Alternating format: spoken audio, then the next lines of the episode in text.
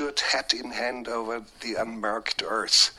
This woman who had worked for his family 50 years, she had cared for his mother as a baby, and she had worked for his family long before his mother was born, and she had known and cared for the wild Grady boys who were his mother's uncles and who had all died so long ago, and he stood holding his hat, and he called her his abuela, and he said goodbye to her in Spanish, and then turned and put his hat and turned his wet face to the wind, and for a moment he held out his hands as if to steady himself, or as if to bless the ground where, or there, or perhaps as if to slow the world that was rushing away and seemed to care nothing for the old and the young, or rich or poor, or dark or pale, or he or she, nothing for their struggles, nothing for their names, nothing for the living or the dead.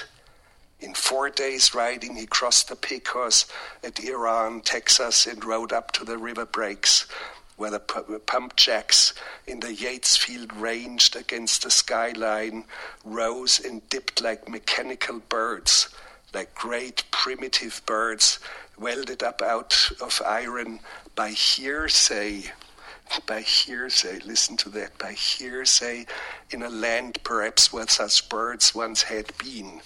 Hej och välkomna till Udda Ting. Mitt namn är Henrik Möller, musiken var skapad av Testbild och det ni nyss hörde var Werner Herzog som läste ur All the Pretty Horses av Cormac McCarthy. Och det är han och hans verk som är i fokus i dagens avsnitt. McCarthy är en av amerikanska litteraturens giganter. Vissa anser att han är den största levande för amerikanske författaren idag. Hans böcker har filmatiserats. Billy Bob Thornton gjorde ett bra försök med All the Pretty Horses med ett manus av briljante Ted Talley. McCarthy-fantasten och skådespelaren James Franco gjorde ett ambitiöst men misslyckat försök med Child of God. Den troligtvis bästa filmatiseringen är bröderna Coens No Country for Old Men. Så, varför McCarthy i udda ting? Jo, McCarthy har ett drag åt det metafysiska, det märkliga i flera av hans böcker. Ett kosmiskt tänk om människans litenhet och oförmögenhet att påverka sitt eget öde. Det finns många saker som har debatterats av forskare runt om i världen. Det mest uppenbara man stöter på när det kommer till McCarthy är såklart språket. Att McCarthys prosa är i världsklass råder det ingen tvekan om intensiv, färgstark och magisk. Sammanfattningsvis så blir McCarthy intressant eftersom texterna, till skillnad från de flesta andra böcker, inte skildrar karaktärernas inre liv genom inre monologer och förklaringar, utan genom skeenden som presenteras nästan dokumentärt rakt på. Medan det används ett poetiskt språk och expositionen sker oftast via filosofisk, ibland kryptisk dialog mellan karaktärerna. Motsättningen mellan det platt, osentimentalt dokumentära, det poetiskt utsvävade och de drabbande filosofiska utläggningarna är väl min sammanfattning av det som gör McCarthy spännande. Det är intressant, eftersom McCarthy har jämförts med Faulkner så har jag här ett litet klipp när McCarthy själv pratar om Faulkners Spotted Horses och varför han gillar den. I was, thinking this morning about I have to reread Faulkner's story Spotted Horses because it occurs to me that that what is so engaging about that tale is just the sheer exuberance and exaggeration of it. I mean these these mad wild horses uh, that have gotten loose from the barn and are running across the the countryside, and one crosses a bridge and it meets a wagon coming the other way. And I think he describes it as as scrambling along the single tree like a squirrel. Well, now that's that's not really quite possible, but it's just very fetching.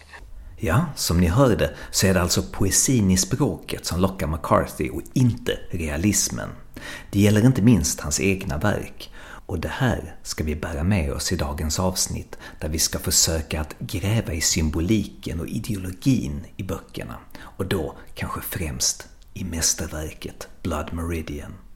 Blood Meridian är inte bara min favorit i McCarthys övre, utan topp tre bästa böcker jag någonsin har läst. Det som är så spännande med boken är att det finns så många lager som skapar djup. Först och främst så har vi det uppenbara. Det är alltså en historisk bok med verkliga personer som McCarthy använder, som till exempel Captain White, Reverend Green, skalpjägaren och ledaren för Glanton Gang, John Joel Glanton, och till och med den omdebatterade diskussionen huruvida bokens mest ökända karaktär, Judge Holden, om han existerade. Den hintas om i Glanton-gängmedlemmen Samuel Chamberlains skrift My Confession. Där kommer metadelen i boken. Boken är utgiven 1985, Ronald Reagan-tiden. En höjdpunkt i kapitalism och klassklyftor. En tid då USA fortfarande försökte dölja sin blodiga historia. Karaktären Judge Holden har alltid med sig sin lilla bok som han tar anteckningar i under den massaker och blodbad som äger rum. Vi vet inte exakt vad det är han skriver, men han säger att ingenting existerar innan jag har skrivit ner det.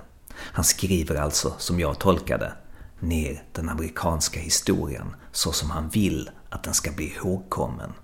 Han skapar hjältarna och skurkarna, så ska historien bli ihågkommen, inte vad som egentligen hände. Sedan så har vi referenserna och blinkningarna till annan litteratur som McCarthy gillar. McCarthy har sagt att böcker är skapade av redan existerande böcker. Det vill säga att författaren är inspirerad av det som har kommit före honom.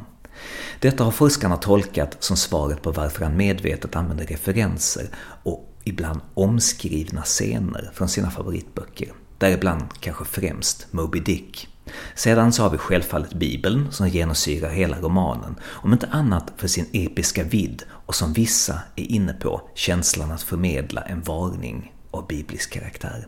Sedan så har vi symbolerna, det som amerikanerna kallar för allusions, det vill säga en referens man använder sig av för att väcka en tanke eller att frammana en känsla utan att explicit nämna det man vill ha sagt. Det här och ideologin bakom är det vi ska dyka ner i i det här avsnittet. En uppgift som inte är den lättaste och som har upptagit årtionden av forskares tid. Till min hjälp så har jag i dagens avsnitt Fredrik Svensson som har skrivit en väldigt intressant avhandling om just detta. Symboliken och ideologin i McCarthys verk. Det som slog mig när jag kollade på, på kritiken, på McCarthy-kritiken var att, att det fanns väldigt mycket av det här hagiografiska som man säger, alltså eh, människor som är beundrare av McCarthy och som därför eh, hyllar honom. Eh, han kan inte göra fel helt enkelt. Och från ett etiskt eller ett ideologiskt perspektiv så är allting han gör godartat. Och det där går ju tillbaka på någon sån här konstsyn menar jag, att, eh, att man menar att det, det finns liksom tidlöst bra och godartad konst som kommer att kunna göra världen bättre. Ehm, och, men då tittar jag närmare på de här symbolerna, eller symbolismen som jag, som jag eh, kallar den för, och, och, och, visar liksom att, att den lånar sig till ganska mycket. Eh, det, det, handlar i slutändan om vad vi gör med den här, eh, den här litteraturen. Du skriver om att det verkar som att Blood Meridian handlar om kristendomens, alltså religionens bortfall som orsak till det moraliska förfallet och att ondskan breder ut sig. Och det är nog den enda invändningen jag har i din text. Men visst, han pratar om det här i No Country for Old Men också. Men det känns faktiskt osannolikt att den här vetenskapliga, historiskt påläste McCarthy skulle vilja förmedla det här i en bok. Alltså han måste ju ha läst sin historia. Religion, religion har ju liksom sällan hindrat folk från att synda. Allt från att onanera och sen gråta efteråt till att hitta på ursäkter, vägar runt för att kunna mörda sin nästa, starta krig, korståg och etc. Jag tänker på en annan sak som slog mig i Blood Meridian, att när Judge Holden talar om kriget som gud och kriga som människans sanna natur, det är ju såklart någonting som många har svårt att köpa och ta på allvar. Men så kommer jag att tänka på en Vietnamdokumentär som jag såg som heter First Kill, där några trasiga veteraner pratar om att eh, de inget hellre vill än att vara tillbaka i kriget och mörda. Att leva under den pressen och uppleva den explosionen av adrenalin som striden ger är en tung drog som inte går att ersätta och de här soldaterna är ju förstörda efteråt. Jag hade en vän då som var djupt skakad av detta och kunde liksom inte acceptera det här eftersom det skakade hans hoppfulla syn på människan som fundamentalt god. Godhet och ondska är ju liksom inga begrepp som jag vill använda utan människan är ju kapabel av till både och. Inte som religionen vill påstå att människan är född ond eller med arvsynd och att det enda sättet, enda botemedlet är att genom religiös fostran och gudfruktighet rädda det här då. Det här leder mig då till nästa observation i teori i boken och det är liksom rasismen. Det är en uppenbar del av historien och det verkar som att det förmedlas som att det här är en det är en oundviklighet, att segregation mellan människor emellan, det kommer på det stora hela alltid att finnas. Men i Glanton-gänget samexisterar flera olika nationaliteter, alltså människor av olika etnisk bakgrund. Och det verkar som om Holden menar att det är endast när man hänger sig dansen, som han kallar det, det vill säga bli en krigare och leva för blodsutgjutelse och död och se kriget som sin gud, endast då kan man samexistera med sina medmänniskor. Men absolut, att det där är ju villkoren på något sätt i slutändan ändå ju. Alltså, evolutionen, eh, kort och gott. Nej, alltså sen så var McCarthy står, alltså rent eh, personligen så där, är ju, är ju ganska svårt att avgöra. Eh, men, men, men jag menar att den tendensen finns där i texterna åtminstone. Att, att ett sätt att visa att världen har eh, barkat åt helt fel håll eh, är att peka på att religionen har kollapsat. Så, så, det sker ju i romanen. Sen om man tar det till intäkt för att, att McCarthy själv menar att kristendomen är enda sättet att frälsa världen, det, är, det vore ju en lite vågad slutsats. Sådär. Men texten gör ju det här. Sen är det ju en lite återkommande grej i McCarthys verk att det finns karaktärer som eh, vad ska man säga, tror på att eh, det är våran väg redan utstakad från början. Att eh, hur vi än gör så är utfallet detsamma. Att vi inte kan påverka våra öden. Och kan man inte göra det så blir ju det, eh, det är ju en ganska tröstrik tanke. Då spelar ju alla de här sakerna inte så himla stor roll. På sätt och vis är det väl så att mm, vi, vi bor på en väldigt liten planet, ett väldigt stort kosmos. Så i slutändan spelar det kanske inte så stor roll från det perspektivet då, eh, hur vi lever våra liv, vad vi gör mot varandra och så vidare. Så vill man ju inte leva. Om man ignorerar etik och moral, det är väl kanske en poäng där, då kan man ju, då kan man ju göra precis vad som helst. Alltså, no Country for Old Men är ett bra exempel på det där också. Så att jag bara kastar upp en krona i luften och ser, ser hur den landar. Och är det klave så då tar jag livet av dig helt enkelt. Alltså, det är, kronan är också en agent, säger han ju. Och det skulle man kunna se som, en, som, en, eh, som lite parodi på sån här act, actor network theory. Det tror jag inte McCarthy menar. Eh, ja, den teorin går ut bland annat på, på, att, på att människor kan delegera agens, eh, delegera eh, handlingskraft och agerande till icke-mänskliga ting. Då. Men det är också en, en ganska bekväm idé att ha om man inte vill kännas vid att det faktiskt var jag som ville ta livet av dig just nu. Det var jag som ville det, det var inte kronan. Men det blir en förenkling av den där teorin också såklart. Men, men, men just i de här scenerna i No Country for Old Men så är det ändå ganska enkelt. Det är det han gör. Ja, precis. Och han är ju likt The Judge i Blood Meridian en nietzscheansk karaktär. Så här, eh, bortom gott och ont, bortom moral helt enkelt. Ja men visst, alltså en, en, en värld helt utan moral. Alltså, eh, och när vi inte kan hitta moralen, typ i The Starry Sky, så bara väl något sånt där skriver han ju så här, vad, då, då överlever vi inte. Så här, vad, eh, jag fasar för vad som skulle hända med våra barn.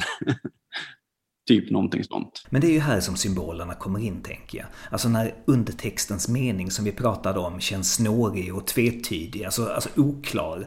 Det är då man kanske ska titta på symbolerna som McCarthy använder och det är ju ditt område. Ja, men alltså det sättet som, som jag nu använder symboler så är ju det här att eh, alltså, det är ju en, en, en estetisk tradition. Alltså, som man kan ställa mot det allegoriska tänkandet. Då, då då i det allegoriska tänkandet eller skrivandet, då, då, är man ju hela tiden medveten och visar att man är medveten om att texten inte är verkligheten, utan texten står in för det man, det man skildrar. Då. Alltså, den här texten är ju istället för verkligheten. Den pekar mot verkligheten, men den är inte verkligheten.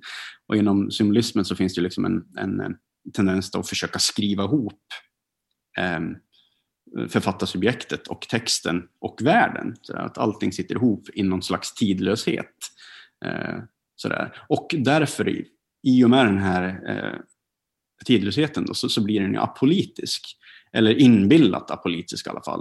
Eh, för, att, för att man frikopplar sig själv då, eller frikopplar texten från den kontext eh, var i den är författad. Och, och, den här tidlösheten är ju någonting han jobbar med hela tiden. Alltså, texterna kastar sig ju hela tiden mellan det historiskt specifika. Det är ju, så är det ju i The Orchard Keeper, alltså eh, 30-talets eh, mm, Tennessee. Och så är det ju i Sutry, 50-talets Knoxville.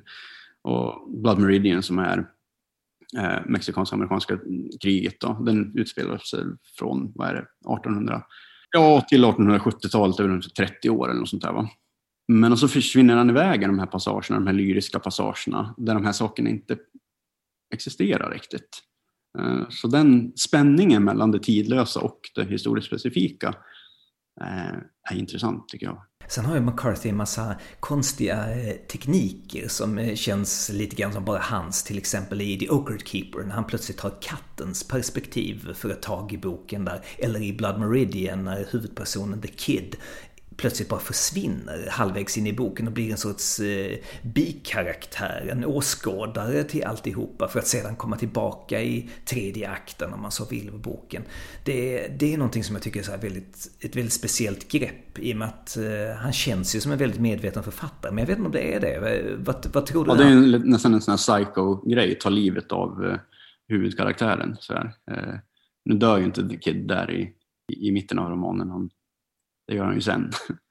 Men om det är medvetet eller inte? Ja, jag tror nog att det är ganska medvetet ändå. Alltså, han är ju inte, han är ingen bitpoet liksom. Han, eh, han, han jobbar ju länge och väl med de här texterna och extremt noggrant. Så där. Det är inte, han går inte in i trans liksom, och sen blev det där det blev, utan det är klart att han är medveten om det. Men varför han gör det, det är ju, det är ju en bättre fråga kanske, som är svår att svara på. Impulsen finns ju där definitivt i alla fall. Eh, och det, jag tror att, jag vet inte, vad tror du? Det känns som att den där impulsen kanske finns i oss alla, att vi, att vi, vi ägnar oss åt eskapism ibland. Det här kanske är McCarthys modell, eh, version av eskapism. Men sen vill man iväg från, från det här trötta, det som redan är gjort såklart, och då bryter man upp texten och försöker få den att leva. Så det är väl eh, en förklaring också säkert. Jag menar, man eh, tvistar ju också om vad The Road handlar om. Så här. Vissa kritiker av den mer traditionella skolan, eh, mer konservativa skolan säger att ja, den, där romanen handlar om hans son. Så här, ja, det är klart den gör, men den handlar ju om civilisationens kollaps också. Och så här, hur vi lever våra liv och konsekvenserna av det och så vidare. och så vidare. Um, men jag tror att alltså, många val McCarthy gör är väldigt medvetna, men han är ju mitt i produktionen, mitt, mitt i textproduktionen när han gör de här valen. Så då är det svårt att se vad som egentligen uh, vart, vart det landar innan, innan det är färdigt. Alltså, vi upplever ju texten på ett helt annat sätt än vad han gör det. Oavsett om, om valen är medvetna eller inte så blir det ju en, en, en färdig text som, som gör en massa olika saker på en och samma gång, eh, varav vilka är eh, planerade från, liksom, från författarens håll, andra är inte det.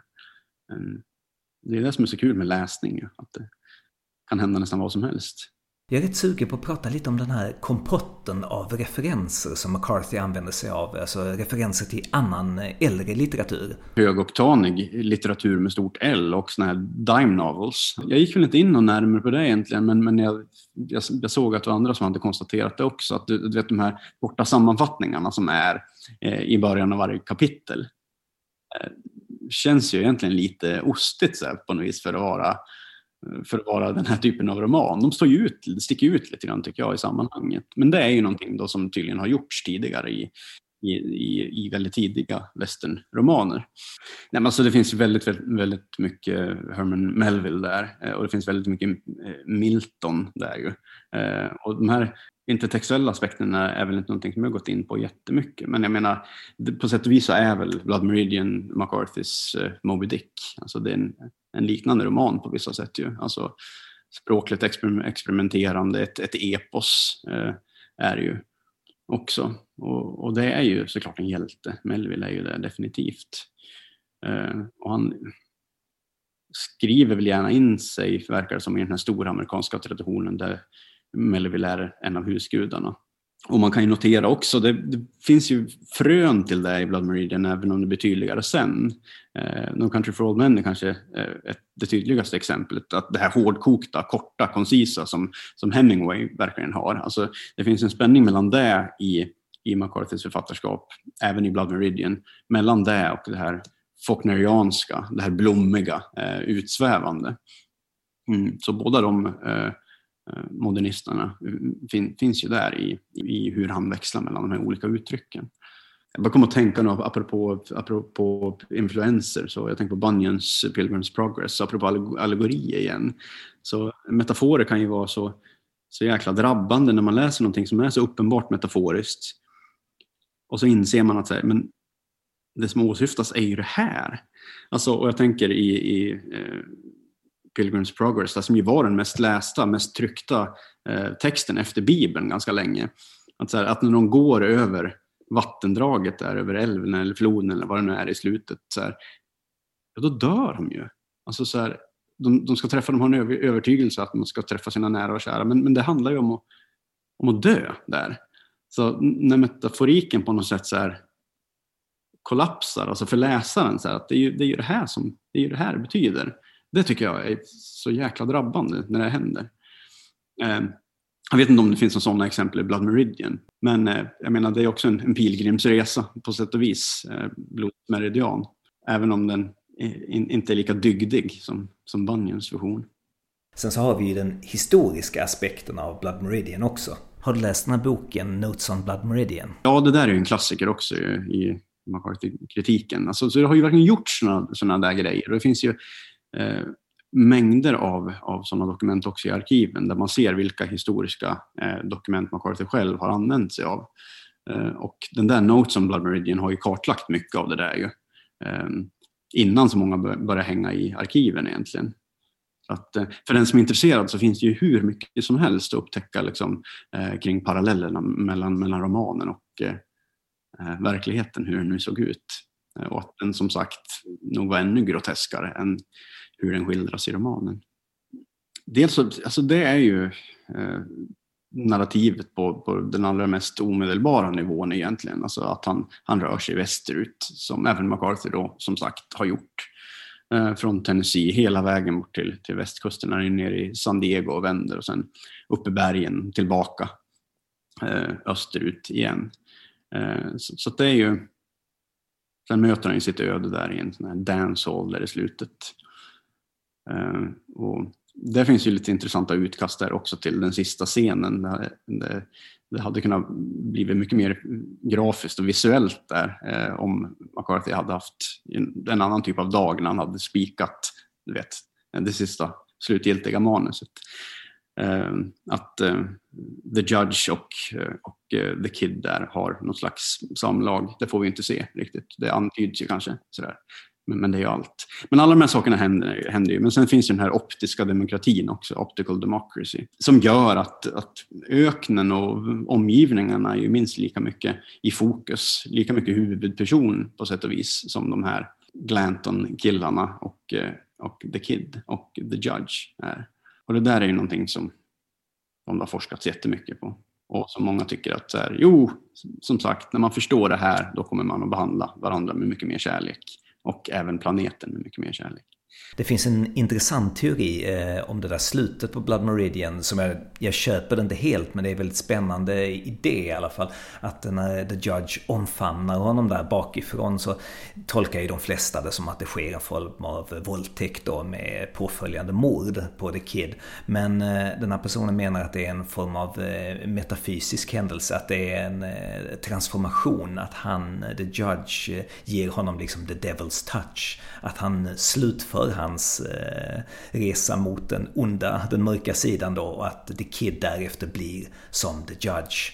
Eh, och sen så är det ju en liten flicka då som de pratar om som försvinner och alla är ute och letar efter henne där i slutet och att eh, eh, The Kid då har mördat henne. Att han har blivit den här pedofilmördaren som The Judge är. Och på slutet när de här eh, två cowboysen går in på uthuset och eh, säger åh herregud, de ser någonting. Då tror man ju att den första tanken är att det är The Kids kropp de hittade, att han, hans lik. Men då menar de på att eh, det är den här lilla flickans lik som de hittade på toaletten istället. Ja men det är lite kittlande och det är, ju, det är ju verkligen tydligt att vi kan göra väldigt många olika saker med de här sista sidorna ju. Eh, även epilogen är ju, är ju högst eh, tolkningsbar på en mängd olika sätt. Och jag vet inte hur, om du hade fått välja, hade du velat haft ett, ett, tydligare slut? Nej, absolut inte. Alltså slutet är ju perfekt som det är. Men eh, ja, The Judge är ju en väldigt spännande karaktär och det är klart att det har ett visst att slänga om var, var det där kommer ifrån. Jag vet ju att eh, Milton, eh, Paradise Lost, är någonting som citeras väldigt ofta. Och det var ju en av de stora problemen med Paradise Lost var att Milton eh, gjorde ju djävulen alldeles för intressant. Eh, så att han blev en, en spännande figur och eh, den mest spännande figuren i hela Paradise Lost. Det, var ju, det är ju, djävulen är ju behållningen med det där.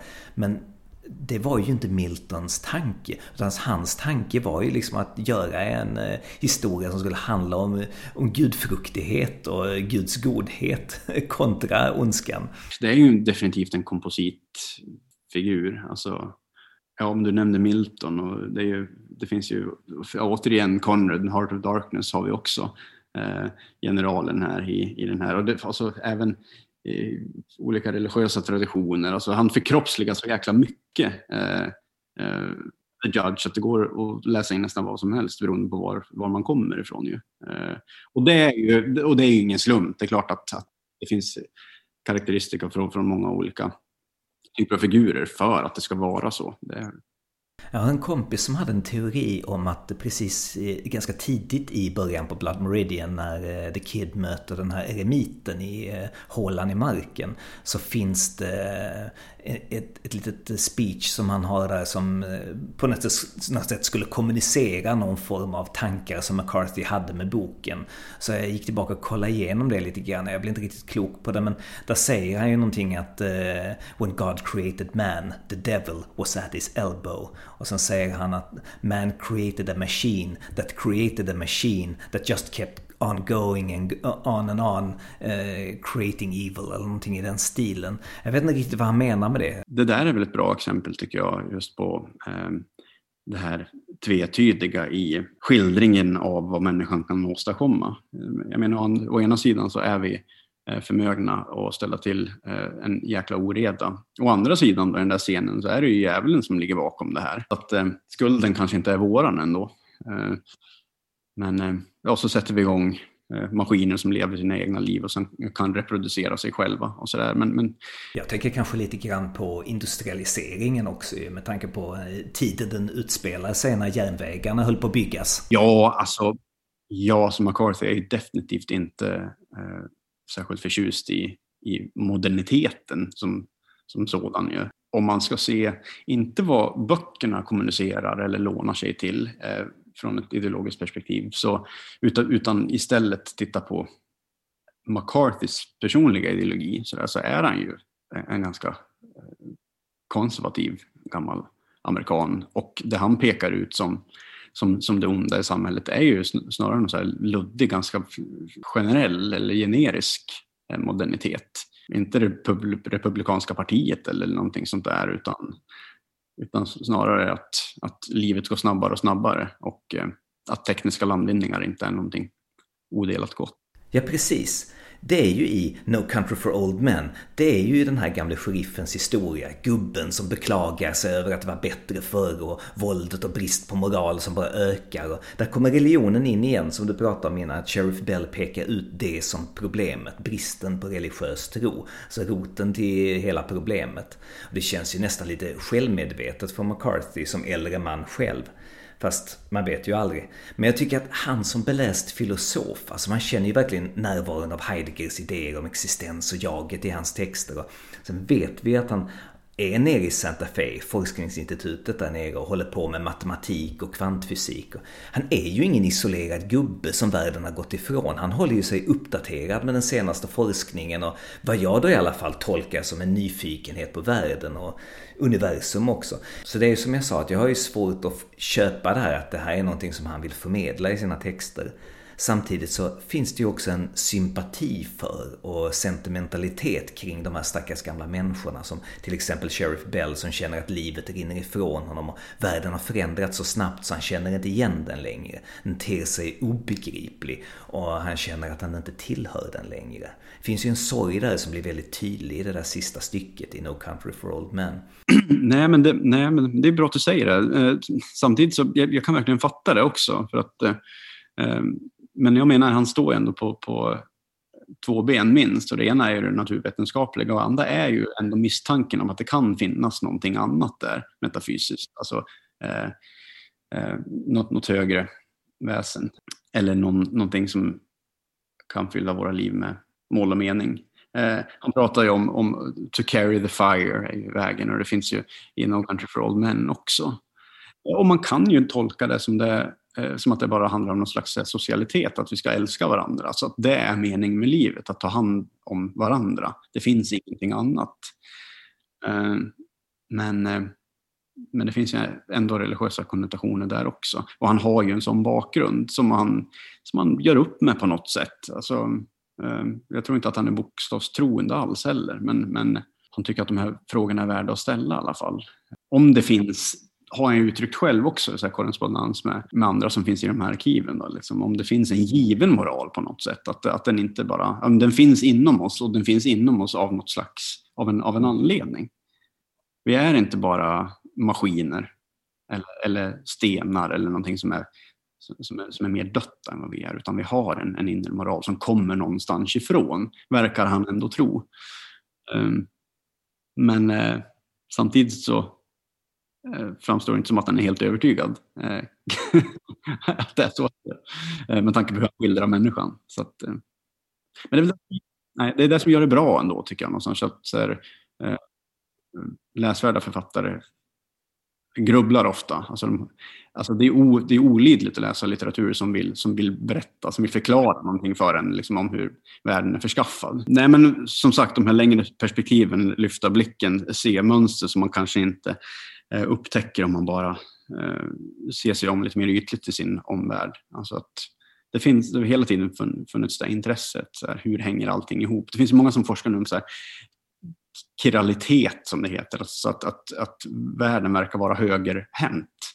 Eh, att så här, du vet, om man spolar toaletten så snurrar det åt ett visst håll. Liksom att, att majoriteten av människorna är, är högerhänta och att det här vänsterhänta liksom är en abnormalitet på något sätt. Men som ju också kan betyda att det går att gå mot strömmen. Då. Alltså det kanske går att göra ett val, ja, eller hur man nu ska tolka det. Eh, men att, att romanen verkligen låna sig till eh, den typen av resonemang också. Alltså det finns ju där i texterna. Ja, så att, eh, jag vet inte varför han har letat sig dit förutom den anledningen, då, att han är intresserad av de här sakerna. Nu så vill jag prata om McCarthy-arkiven. Jag tycker ju sånt här är jättespännande. Du har ju varit där och forskat. Och en sak som jag tycker är märklig det är att McCarthy som är sån reclusive författare och hemlighetsfull att han skulle vilja lägga ut alla sina gamla utkast och anteckningar till allmän beskådan. Jag tänker på Stanley Kubrick som brände allt filmat material som han inte använde så att bara filmen, liksom the final cut, fanns kvar till beskådan för allmänheten. Det tycker jag också. Eh, när jag hörde om det första gången så så tyckte jag också att det var, att det var överraskande. Sen har de ju dragit tillbaka alltså, hans nästkommande roman då, nu om, om den kommer ut. fanns ju där vissa utkast från den också, men det finns inte tillgängligt, tillgängligt längre. Och de mer seniora eh, McCarthy-proffsen så, så, så, säger de att eh, om man inte blir riktigt nöjd med den här romanen så kommer den förmodligen, förmodligen aldrig att ges ut. Och så kan det mycket väl vara, tror jag också. Jag har ju läst om folk som har gått på de där uppläsningarna där McCarthy sitter och läser passager i sin kommande roman The Passenger som den då heter då och att det inte alls ska vara särskilt bra, de har blivit besvikna. Och eh, han är ju en väldigt självmedveten författare så han har säkerligen hört rösterna som tycker att det börjar bli pinsamt nu när han pratar om det undermedvetna språk som genom bilder och symboler ger oss sublima budskap. Och det är ju lite som Jung höll på med när han skrev The Red Book. Och eh, det är ju lite så här pseudovetenskapligt flum, liksom ett sorts önsketänkande från hans sida. Att, eh, e-, eftersom den vetenskap som finns nu i alla fall pekar ganska tydligt på att det undermedvetna övervägande inte hjälper oss. Att det här exemplet som McCarthy tar upp där han, eh, om han som hittade bensinmolekylen genom en dröm verkligen är ett undantag i historien. Men eh, om vi nu går tillbaka till arkiven igen så vet jag ju folk som har suttit i Kubrick-arkiven och sagt att de har förvånats över att de tror att de ska hitta en massa ledtrådar och få insikter när man gräver där, men det gör man inte. Ja, ja. ja nej, det är ju långa, långa stunder man sitter där och det händer absolut ingenting. För att man kanske tittar på något utkast som är väldigt likt det som sen blev publicerat. Då. Men sen tycker jag att det finns alltså, väldigt tidiga utkast så då, då, man märker att den här texten hade kunnat tagit vägen åt ett, åt ett helt annat håll. Han provar idéer och stryker över ord och kommenterar sig själv ut i marginalen. Um, uh, och då blir man ju varse att det här verkligen är en process. Alltså att, att, eh, att uh, romanförfattande är produktion, alltså det, det är arbete. Man, man, har en idé som man sitter och, och formar. Uh, och, och funderar över. Och ibland kan det vara att någonting låter fel kanske. Skriver man om det kan det få en annan innebörd. Sådär. Redan från början hos McCarthy har funnits ett intresse av att eh, med hjälp av språket skriva ihop människan med omgivningen. Alltså att vi, vi är från ett kosmiskt perspektiv bara rymdgrus. Eh, väldigt, lik, väldigt lik all annan materia. Eh, och våra liv är extremt korta. Och det där har funnits med från början och finns ju hela vägen eh, fram till, till The Road eh, som är den senast publicerade romanen. Då. Och, och, det där är ju någonting som kritiker har tagit fasta på. De säger att så här, bara vi kan se på världen på det här sättet, bara vi inser att allting sitter ihop, att eh, vi inte är mer betydelsefulla agenter än, än, en hund eller en maskros eller vilket exempel som helst som ingår i de här ekologierna som, som vi lever i. Bara vi inser det här så kommer vi att ta mer ansvar för icke-mänskligt liv, liv också, behandla varandra och våra medarter på, på ett mycket bättre sätt. Men det finns ju samtidigt risken att vi när, när vi inser att vi är, jag såg du har gjort avsnitt om eh, H.P. Lovecraft också, han har ju verkligen det där också. Att här, för att kunna skapa riktig skräck då måste, man, då måste man ha den här insikten, att våra liv är korta, att vi är helt betydelselösa.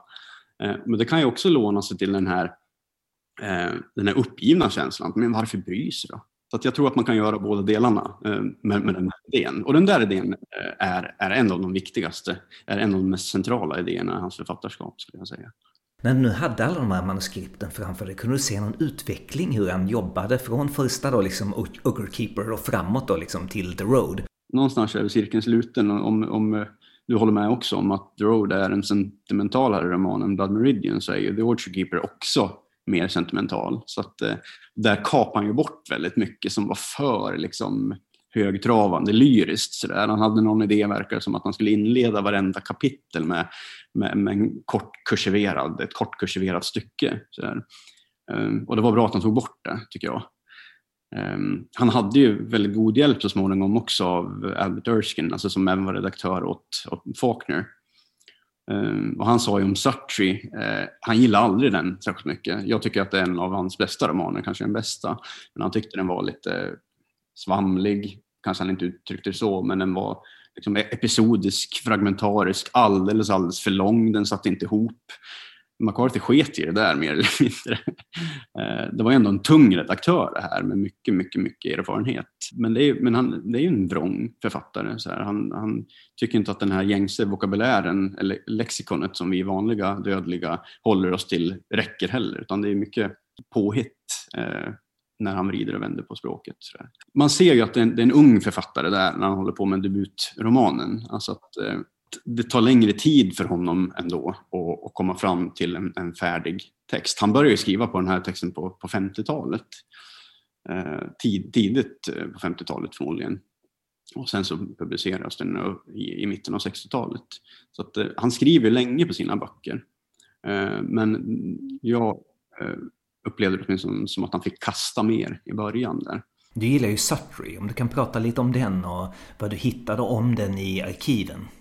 Någonting som märks väldigt tydligt i Sutry tycker jag är ju eh, McCarthys musikalitet. Alltså här är vi inne på formspråket igen. Då, så att, eh, det är tydligt när man sitter i arkivet också att han, han stryker över meningar som inte eh, låter bra. Som är musikaliska egentligen, tycker jag. Så att eh, romanerna ska låta bra hela tiden. De får gärna vara, låta bra på ett lite avigt sätt, men, men det ska vara musikaliskt. Och det här inled, de här inledande sidorna där är ju, är ju väldigt, väldigt vackra. Det är ju poesi egentligen. Eh, fyra sidor, eller vad det är, fyra, fem sidor. Det brukar ju framhållas också att den är en av de mest självbiografiska romanerna. Han var ju själv lite förtjupen där ett tag, eh, blev eh, nykter sedermera. Ehm, och stora delar av romanen utspelar sig bara på Knoxvilles gator när de går från bar till bar och dricker billig sprit. Och det är många som har forskat på det här också, att man, man känner igen många av de här brottslingarna som fanns, som fanns i det här området under den här tiden exempelvis. Och, eh, jag åkte förbi Knoxville själv också när, eh, när jag var i USA.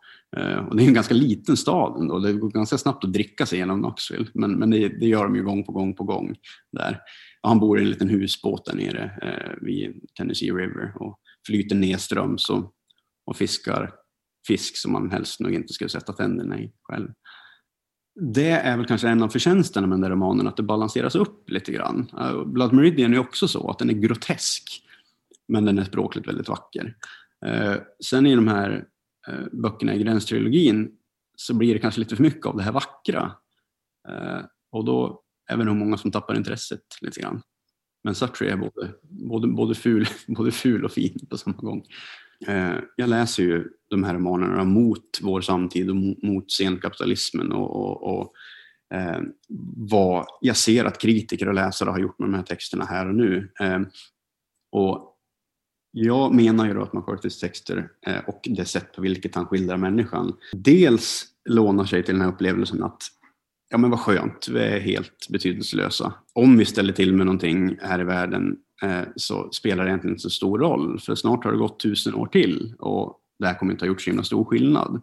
Och det där är ju liksom en, en väldigt eh, effektiv mekanism i kapitalismen. Ju, att, att om någonting går snett eh, och vi har ställt till det så, så, så, spelar det inte så stor roll. Alltså kan vi ens göra det när vi är så betydelselösa från ett eh, längre perspektiv? Då?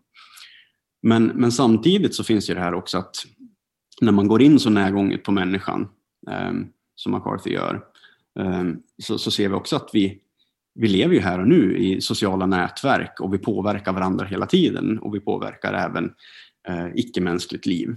Eh, så att vi i det ekonomiska system vi lever i så, så stämmer ju det här överens med, med bilden av oss själva som entreprenörer. Vi kan, vi kan starta företag som genererar eh, mervärde och så vidare. Så att vi är båda de här sakerna på en gång. Alltså, som Louis Althusser, eh, eh franska eh, teoretikern, eh, formulerar så interpelleras vi, vi adresseras som, som ett visst typ av subjekt eh, tilltalas som ett visst typ av subjekt. Och det här subjektet, det kapitalistiska subjektet, är både betydelselöst och eh, handlingskraftigt på samma gång. Beroende på vad som passar när, så att säga. Eh, och det där går ju egentligen inte ihop, sådär, men, men det är en nödvändig del för att det här ekonomiska systemet ska kunna fortsätta existera. Eh, om, vi, om vi verkligen tog allt elände vi ställde till på allvar, då skulle vi börja leva annorlunda. Men det gör vi ju inte. Så det är väl denna, en, en viktig ideologisk aspekt tycker jag av de här romanerna. Stephen Fry är ju kanske den största McCarthy-forskaren och han är ju ordförande i McCarthy-sällskapet. Har du läst hans bok Understanding Cormac McCarthy? Jo, men det har jag gjort och jag har träffat honom ett par gånger också. Eh, har varit en, en väldigt hjälpsam eh, forskare. Det är ett ganska eh, tajt gäng ändå, alltså eh, McCarthy eh, kollegiet eller, eller, eller, kritikerna så att säga. Så att eh, man hör liksom historier om, om eh, andra Eh, Eh, juniora forskare som är iväg och träffar eh, seniora forskare. De är inte alls särskilt väl mottagna. Men så är det inte ändå i, i, under de konferenserna utan de bjuder gärna in yngre forskare som kanske inte riktigt vet vad de håller på med. Jag menar, det gjorde ju verkligen inte jag i början heller. Eh, nej, men så den, det, apropå det här att vara läsartillvänd och tillgänglig så är han verkligen det tycker jag i den boken. Alltså, jag tycker att ehm, David Holloways bok från 2002 som heter The Late Modernism of Cormac McCarthy är, är den allra vassaste. Han, bygg, han bygger vidare på tidigare forskning men han gör någonting nytt av den. Alltså det finns väldigt mycket så här summerande tendens i McCarthy-forskning. Att eh, man gör inte en egen läsning. Alltså att man, Eh, man läser liksom inte McCarthy mot emot eh, den kulturella bakgrunden, mot liksom den kapitalistiska ideologin, alltså mot våran samtid och se vad, vad, vad McCarthys romaner gör alltså för kulturellt arbete. Så här, vad, vad får oss att känna och hur förändrar den oss som människor, den här litteraturen? Eh, och det gör verkligen David Holloway. Sen fanns det ju lyckligtvis saker som jag kunde gå in och bråka med där. Det är, för att få till något slags kritiskt samtal. Så där. Men, men den är väldigt initierad och väldigt bra. Eh, sen finns det eh, alltså tidiga texter. Eh, McCarthy-kritiken tog inte fart förrän på, på 90-talet. Alltså egentligen 20, 2000-talet. Eh, men det finns en text från 83 av Reen Bell eh, och han gav ut en bok sen också om McCarthy 1988 som heter The Achievement av Cormac McCarthy som är en, en, väldigt, en väldigt nyanserad läsning av McCarthy. Eh, å ena sidan och andra sidan. Man måste verkligen ha den inställningen när man läser de här texterna tycker jag. Att så här, för, att, för att texterna slingrar sig fram och gör många saker. De är inte alltid överens med sig själva de här texterna. Det är väl liksom någon så här gammal truism att, att eh, litteratur svarar inte på frågor, den, den ställer frågor. Och, och, det är ju en klyscha kanske, men det, är, men det är sant också. I den här intervjun märkte jag hur exalterad och ivrig jag blev. McCarthy väcker tankar och starka känslor. Jag kanske ska nämna att jag är en person som gillar mysterier i litteratur och konst och inte att jag tror att det ska finnas några sublima gömda meddelanden i texterna som ska upplysa en på något spirituellt sätt. Alltså det är helt enkelt kul att hålla på med sånt här och gräva ner sig i sina favoritverk. Det, det är en lek och enligt mig så är det i alla fall fan så mycket roligare att prata om till exempel Heidegger i kontext av ett McCarthy-verk än ur en filosofibok. Men jag vill återkoppla till det jag sa i början, efter klippet där McCarthy själv pratar om Faulkners Spotted Horses. Ja, absolut, McCarthy har pressat in massvis av referenser, allusions, som väcker tankar och känslor och en lust att ta reda på vad det egentligen handlar om.